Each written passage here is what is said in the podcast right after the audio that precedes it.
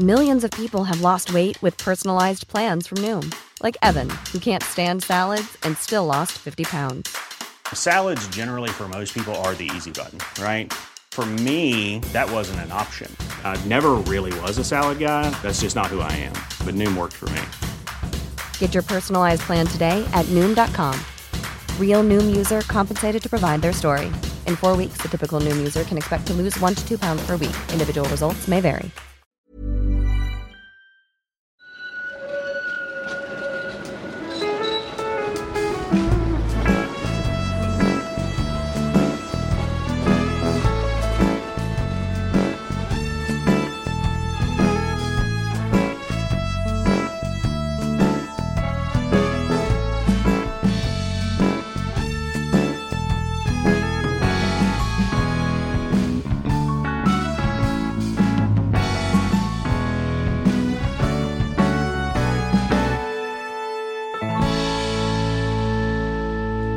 Välkomna till podden Gator och torg i Göteborg. Den här veckan görs den i samarbete med din lokaltidning Göteborg Direkt. Jag heter Lina Isaksson och är reporter på tidningen. Med mig har jag som vanligt Mattias Axelsson, Göteborgskännare. Hej Lena! Hej! Vi är ju här i Nordstan och sitter på Postgatan på ett litet café. Och vad är det som gör att vi har tagit oss till Nordstan så här i september 2022? Jo, det är ju så att för 50 år sedan, i september 1972, så invigdes köpcentret här. Och det kommer ni att skriva en text om i, eller du kommer skriva en text om det i tidningen Göteborg Direkt. Ja, det kommer bli en text eh, om denna spännande historia. Och den kommer man kunna läsa i tidningen eh, i samband med att det här avsnittet släpps samt även på webben va? Eh, ja, det stämmer. Mm. Så eh, 50 år har det varit köpcentrum här. Men eh, själva Nordstan, platsen, har ju en betydligt äldre eh, historia än så. Ja, alltså någonstans kan man faktiskt börja med att Göteborg grundas 1621 för att Östra Nordstan, som den här stadsdelen heter, var ju en del av den befästa stan när Göteborg grundas på 1600-talet. För man kan enkelt dela upp det så att Göteborg hade fem stycken stadsdelar innanför murarna och då är det dels de som ligger norr om Stora Hamnkanalen och de som ligger söder om Stora Hamnkanalen. Och de som ligger norr om heter ju då givetvis Nordstan och då har vi Västra Nordstan som ligger på väster sida om Östra Hamngatan eller Östra Hamnkanalen som det var tidigare. Och Östra Nordstan som ligger på den östra sidan om Östra Hamnkanalen eller Östra Hamngatan som det heter idag. Och Östra Nordstan bestod i början, alltså under 1600-talet, av fem kvarter som gränsade mot befästningsvallarna som var stadens yttergräns fram tills de rivs i början av 1800-talet. Och då är Östra Nordstan på alla sidor omgärdat av vatten. Vi har Stora Hamnkanalen i söder som fortfarande finns kvar och rinner genom Brunnsparken. Vi hade Östra Hamnkanalen på den västra sidan som idag är då Östra Hamngatan samt vallgraven som låg norr om och öster om Östra Nordstan. Och sen genom stadsdelen Östra Nordstan i västöstlig riktning så gick gatorna Köpmansgatan, Sillgatan, som idag har blivit Postgatan, samt Kronhusgatan och Spannmålsgatan. Så det är de fem gatorna som går rakt igenom Östra Nordstan. Ja, men kan man säga någonting om vad Östra Nordstan var för slags område under den här eh, tidiga historien? Ja, alltså när Göteborg grundas och planläggs i början av 1600-talet så hade den första stadsplanen faktiskt bara tio namngivna gator i hela innerstan och stan är tydligt uppdelad i de här fem kvarteren. Och liksom i andra delar av stan innanför vallgraven så var de mer representativa fastigheterna de som låg mot vattnet, alltså mot Stora Hamnkanalen, respektive mot Östra Hamnkanalen. Och ju längre bort från vattnet du kommer, desto enklare blir bostäderna. Sen har ju Göteborg vid ett flertal tillfällen pl plågats och bränts ner av olika bränder. Vi har en stor brand i slutet på 1700-talet och en brand 1830. 13 som påverkar både västra och östra Nordstan och stora delar av bebyggelsen ödeläggs. Och efter de här bränderna i slutet på 1700 och början på 1800-talet så bygger man ett stort antal representativa stenhus längs med dels Östra Hamnkanalen och dels längs med Stora Hamnkanalen.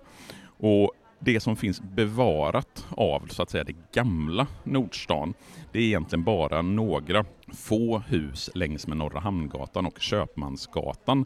Och i ett av de husen, Norra Hamngatan 32, så hade faktiskt O.P. Andersson sitt brännvinsbränneri under 1800-talet och O.P. Andersson kan man ju fortfarande köpa på Systemet om man så vill.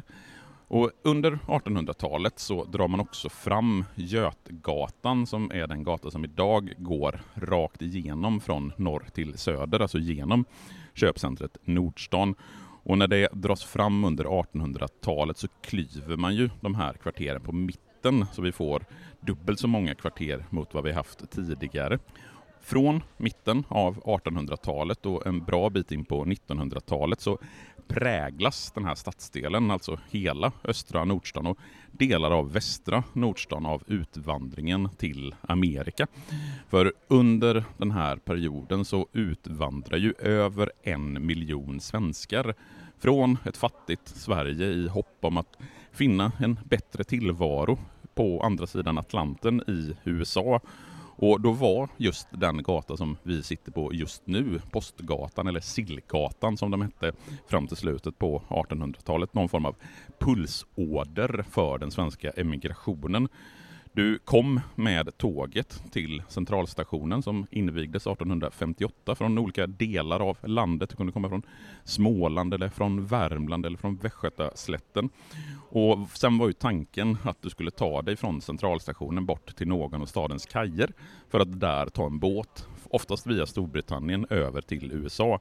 Men innan man kunde ta båten så var man tvungen att på olika sätt fixa sina papper. Man var tvungen att gå till rådhuset och under den tid, på ungefär en vecka som man befann sig i Göteborg så fanns det emigrantkontor, det fanns brännvinsaffärer, det fanns ölcaféer, det fanns små hotell, det fanns språkkurser och egentligen allting som de här Amerikaemigranterna behövde innan de lämnade Göteborg och Sverige för att ta sig över till USA. Och fortfarande en bra bit in på 1900-talet så beskrivs Nordstans invånare som vagabonder eller citatet bondfångare, klockskojare, supare, lättingar och föredettingar. Så Nordstan har väldigt länge och en bra bit in på 1900-talet ett ganska dåligt rykte som stadsdel. I mitten av 1900-talet, vad är Nordstan då? Ja, alltså när emigrationen börjar avta under 1920 och 1930-talet så förvandlas ju östra Nordstan. Och när man tittar på den första delen av 1900-talet så har Nordstan fortfarande även efter emigrantåren beskrivits som en brokig stadsdel som var präglad av småindustrier, hantverk, lagerlokaler, enklare hotell, rum för resande som det hette. I de norra delarna av Nordstan Alltså där man kan gå över gångbron till Lilla Bommen och till Operan. Där fanns det ett torg som hette Kanaltorget som idag, tror jag, är helt borta. Göteborgs-Posten hade sina lokaler vid det här torget i början på 1900-talet.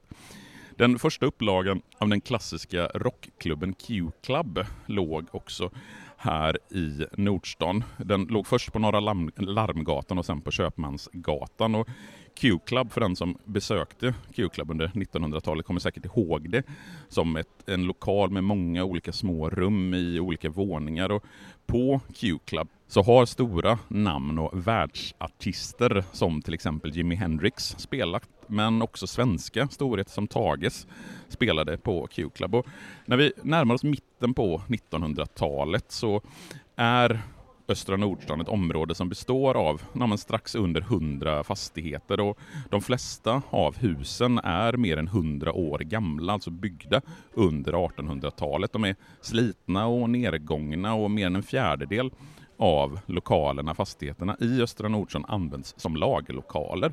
Det är väldigt få av husen som inrymmer bostäder under mitten av 1900-talet.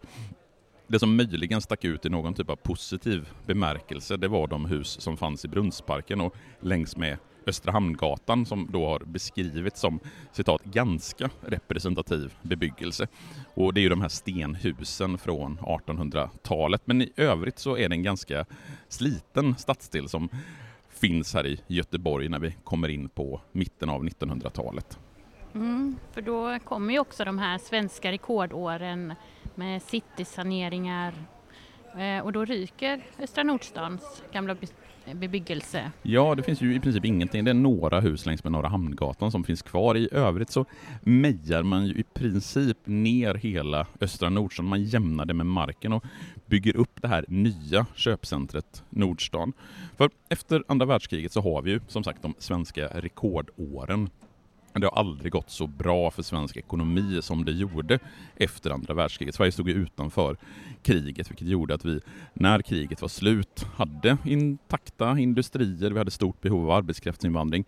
Fabrikerna pumpade ut material och tillväxten i Sverige var enorm, vi hade nästan ingen arbetslöshet.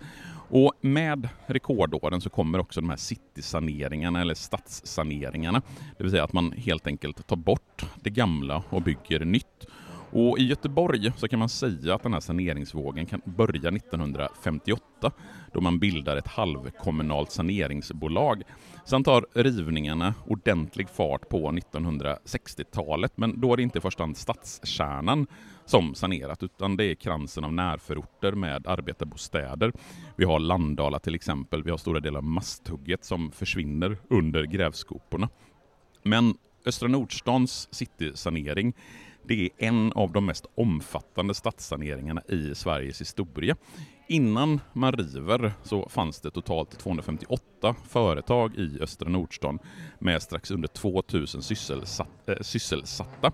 Och I planhandlingarna för saneringen så beskrivs bebyggelsen som hårt nedsliten och förslummad och man angav inga som helst skäl för att man skulle bevara de byggnader som fanns i Östra Nordstan.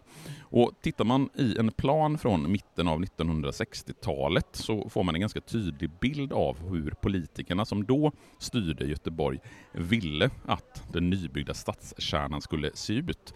För i den här planen så var stadskärnan uppdelad i olika zoner. Dels för detaljhandel, eh, dels också för kontor, hotell, banker och förvaltning och offentliga anläggningar. Bostäder, det var ingenting som man prioriterade i centrala Göteborg under 1960-talet utan de fanns till liten del med i de västra delarna och kan väl beskrivas som ganska perifera i förhållande till det man ville bygga med detaljhandel och kontor och liknande. Sen närmast vallgraven så hade man två parkeringszoner, en vid den norra och en vid den södra utkanten av centrum och ambitionen det var att man skulle gå från ett centrum som var bostäder och olika verksamheter blandat till ett fåtal renodlade cityfunktioner. Man skulle ha kommersiella lokaler och man skulle ha olika typer av offentlig administration i centrum. Det var det som skulle finnas. Och den definitiva dödsdomen för det gamla östra Nordstan, det kom när generalplaneskissen 1964 klubbades. För då förklarades området att vara saneringsmoget och i planerna så avsattes området framförallt för detaljhandel. Och kommunen de satsade tid och pengar på att bygga i förorterna, Angered och Bergum. Man hade ju redan byggt i Frölunda men det fortsatte man ju med in på 1960-talet. Så saneringen och nybyggnationen av Östra Nordstan den bedrevs i princip helt av privata byggföretag. Östra Nordstaden AB och kompani hade bildats av tio byggföretag 1959. Och sen under 1960-talet så river de här privata byggföretagen omkring 100 hus för att ge plats åt de sju byggnader som sammanfogas bland annat genom överglasning till köpcentrum Nordstan. Och det här rivningsprojektet, det här väldigt omfattande rivningsprojektet som Östra Nordstan ändå är. Det pågår under hela 1960-talet. Sedan 1972 så är den första etappen av det här nybyggda köpcentret färdigt för invigning och sen står hela den nya stadsdelen färdigställd 1975. Så nu är vi framme då vid 1972 och invigningen av det som i år firar 50 år. Och vi frågade ju våra läsare i sociala medier vad de minns eh, av tiden som har gått och fick ju minnen från mycket nattklubbar och biobesök, VM i minirace och ja, det lät som det var mycket aktiviteter och, och folkliv här då. Ja, alltså det har hänt väldigt mycket under de 50 åren som Nordstrand har stått här. Och vi har ju precis som eh, era läsare noterat, det har ju funnits nattklubbar och det har ju funnits bowling och det har funnits biografer och liknande. Och allting det här börjar ju då i september 1972 i och med att man samlas på Götgatan i Nordstan för den stora invigningen av det här nya köpcentrat. Och minst 6 000 personer är det som ska ha samlats i det som då heter Östra Nordstan. Sen byter det namn någon gång under 80-talet till att bara bli Nordstan. Och kvarteren och husen i det här köpcentret de var ihopkopplade med tak mellan sig. Kostnaden ska ha uppgått till runt 3 miljarder kronor i dagens penningvärde för att ha sanerat och uppfört de nya kvarteren. Och mitt i Nordstan så fanns det en fontän och där den fontänen låg så ligger det nu en liten byggnad i trä och glas som inrymmer Nordstrands egen turistinformation. Eh, och då är vi alltså i Nordstadstorget i korsningen mellan Götgatan och Postgatan. Och det är ingen mindre än Yngve Gamlin som har designat själva Nordstan som arkitekt. Och Nordstan blir snabbt ett populärt ställe, inte bara för shoppare, utan även ungdomar sökte sig till köpcentret. Då, som nu, och 1979, så tvingades man faktiskt införa ett förbud mot rullskridskor inne i Nordstan. Och sen i mitten av 1980-talet så kompletterade man det förbjudet, förbudet med att även förbjuda citat rullbrädor. Så rullbrädor och rullskridskor fick man inte åka i Nordstan. Nej, det måste ha varit eh, chockartat för den tidens ungdomar. Och vill man veta exakt vilka butiker som låg i Nordstan när det öppnar så har jag faktiskt hittat en lista på alla butiker. Jag ska inte rabbla upp dem här i podden, men vi kan ju publicera dem på vårt Instagramkonto, Gator och torg i Göteborg, om någon vill nörda ner sig i varenda liten butik. Men precis som lyssnarna eller läsarna av tidningen har noterat på sociala medier så fanns det väldigt många olika typer av verksamhet. Och det som jag framförallt tycker sticker ut det var ju att det låg en stor biograf i Nordstan. Och den biografen invigs faktiskt redan i december 1972. Det är första gången i Göteborg som vi får en biograf med flera salonger. Och det är biografbolaget Sandrew som i slutet av 60-talet hade börjat fundera på hur man skulle kunna motverka den nedåtgående trenden i biobranschen, som var en realitet även på 1960-talet. Och chefen för Sanders menade att man skulle bygga biografer med olika stora salonger för då kunde filmerna flyttas ner till mindre duk när publiktrycket minskade.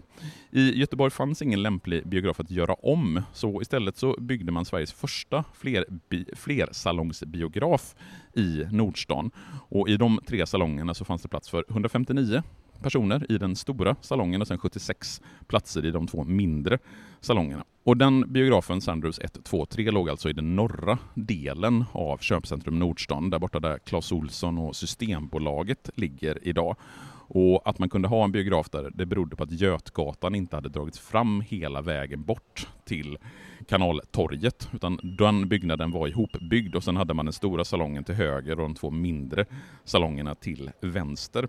Och de tre salongerna de var inte tillräckligt, så när sportanläggningen upphörde och Nordstadstorget byggdes ut norrut i mitten av eh, 1980-talet så flyttade man ner bion och helt plötsligt så fanns det sju salonger i den gamla biografen.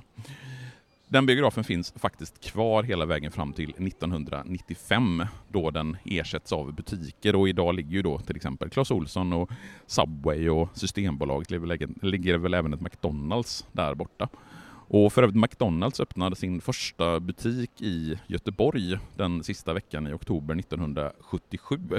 Och då är det första gången som vi har en McDonalds här i Göteborg. Den första i Sverige öppnades ju 1973 i Stockholm och sen öppnade det en i Norrköping bara några månader innan McDonalds i Göteborg öppnades. Och enligt en annons som jag hittade för McDonalds så kunde man där äta riktiga hamburgare, frasiga pommes frites och läskande milkshakes. Det låter väl det? Ja, det låter som ungefär som de vill servera idag. Jag tror inte att det är så jättestor skillnad. Ehm, alla de här eh, pubbarna och nattklubbarna, vad vet du om dem? Ja, alltså den, den puben som fanns kvar längst i Nordstan, det var ju restaurang Murven. Och den har, ju själv, har jag ju själv minnen av. Jag vet inte om du minns Murven som låg ganska mitt i Nordstadstorget. Det låg öppet till klockan 03, stod det alltid på utsidan. Ja, jag, jag har minnen av det men jag tror aldrig jag har varit där faktiskt. Nej, jag tror inte heller jag har varit inne, men jag, jag minns att jag har gått förbi Ja. där. För den öppnades ju då 1972. och Jag vet att det står på massa ställen på nätet att den öppnades 1975. Men jag har gått till läggen och tittat i Göteborgs-Postens arkiv och då finns det faktiskt annonser från 1972 om att restaurang Murven ska öppna i Nordstan. Så jag kan med ganska stor säkerhet säga att det var 1972 som restaurang Murven öppnades och den blev tidigt en populär mötesplats bland Göteborgsjournalisterna. Och här kunde man stiga in i en murrig lokal med roulettebord som en fond och beställa fläskfilé med pommes, kokta morötter och brunsås för 89 kronor. I alla fall 2013 så hittade jag en annons där det kostade, 89 kronor.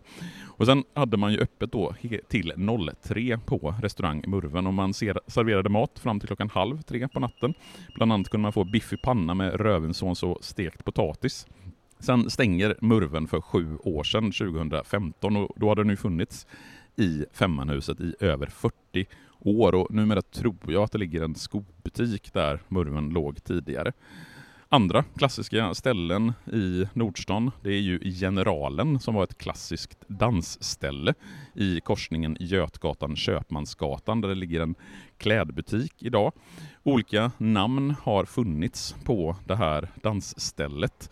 Det hette Generalen till en början. Därefter så kallades stället för Baldakinen och fram tills att det stänger 2002 så hette det King Creole. Och samma sak där, det cirkulerar lite olika uppgifter på nätet om vad det här stället har hetat. Men när jag har tittat i tidningsarkiven så är det den här ordningen som det ska vara. Att först heter det Generalen, sen Baldakinen och till sist King Creole. Och det är inte jättekonstigt det här att lyssnarna och läsarna kommer ihåg de här dansställena och klubbarna. För det var mycket mer av den typen av verksamhet i Nordstan tidigare. Idag finns det väl förvisso en hel del restauranger, men jag tror inte att man tänker sig Nordstan som ett ställe man går för att dricka öl en sen kväll eller går och klubbar på. Jag vet inte hur du tänker kring Nordstan? Nej, nej.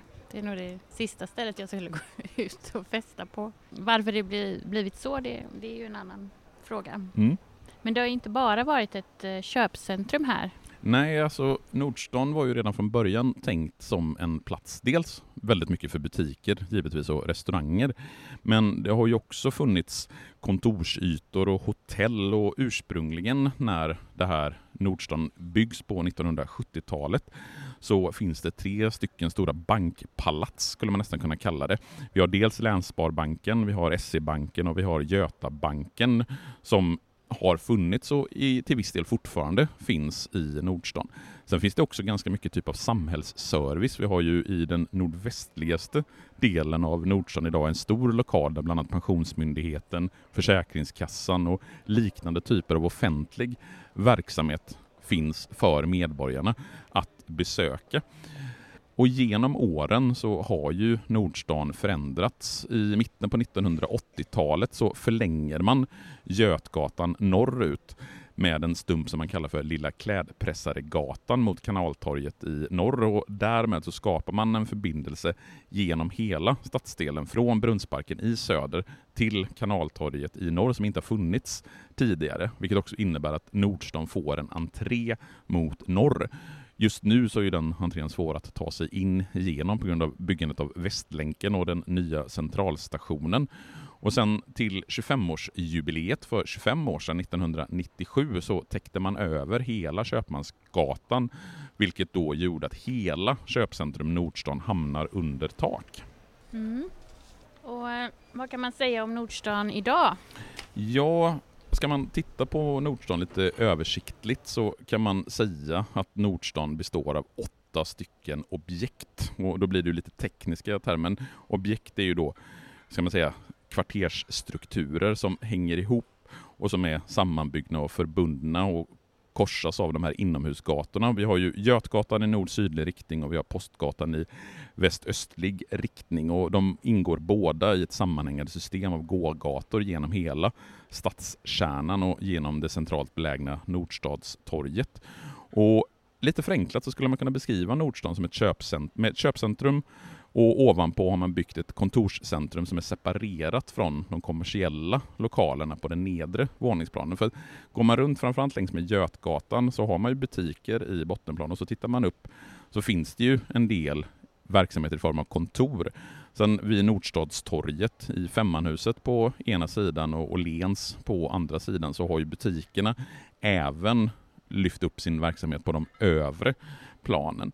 En tendens de senaste åren det har varit att bankernas lokalbehov har minskat. Man har ju betydligt mindre av kunder som besöker, utan folk gör ju sina ärenden i internetbanker, vilket gör att bankernas lokalytor har blivit mindre och fler och fler delar av Nordstan har tagits i anspråk för handeln.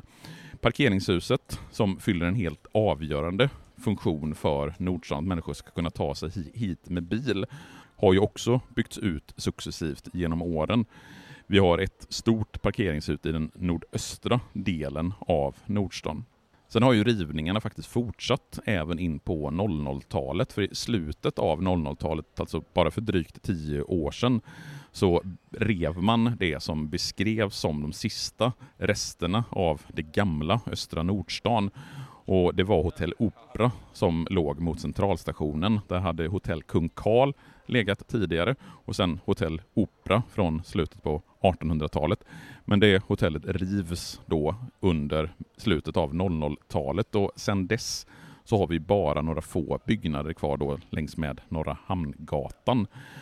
Så idag när vi blickar tillbaka på 50 år av historia för Nordstan så kan man ju se att det givetvis har hänt väldigt mycket i Nordstan. I det, det som framförallt skiljer Nordstan idag från Nordstan 1972, det är ju att i princip inga av de butiker som fanns 1972 finns ju kvar.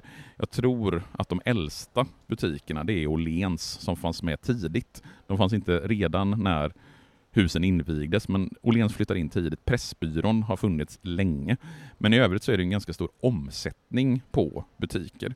Och det som är lite speciellt och lite om man jämför Östra Nordstan eller Nord, Nordstan med till exempel Frölunda torg, det är ju att Nordstan är fortfarande byggt enligt den här kvartersstrukturen så som det var på 1600-talet. Det är fortfarande samma gator som går igenom Nordstan. Postgatan, den fanns här när staden grundades.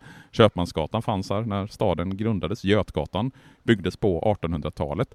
Så på det sättet så går man ju fortfarande 2022 på samma gator som göteborgarna gick på 1622, alltså för 500 år sedan. Och riktigt så är det inte på Frölunda torg eller i Angereds centrum. Nej, det är lite speciellt ändå. Ja. Ja, men vad spännande.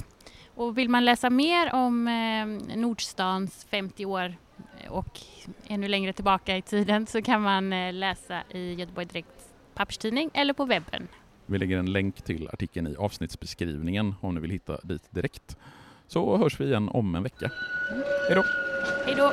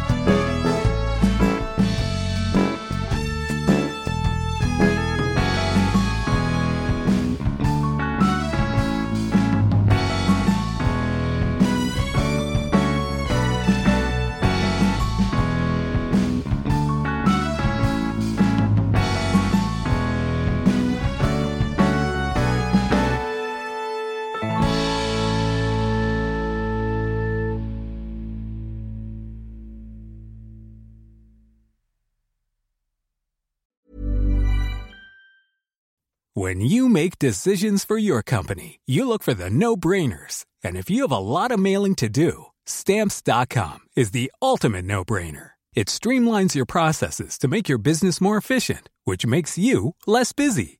Mail checks, invoices, legal documents, and everything you need to keep your business running with stamps.com. Seamlessly connect with every major marketplace and shopping cart. Schedule package pickups and see your cheapest and fastest shipping options from different carriers with rates up to 89% off USPS and UPS rates. And with the Stamps.com mobile app, you can take care of mailing and shipping wherever you are. Make the same no brainer decision as over 1 million other businesses with Stamps.com. Sign up with Code PROGRAM for a four week trial, plus free postage and a free digital scale. No long term commitments or contracts. That's Stamps.com. Code PROGRAM.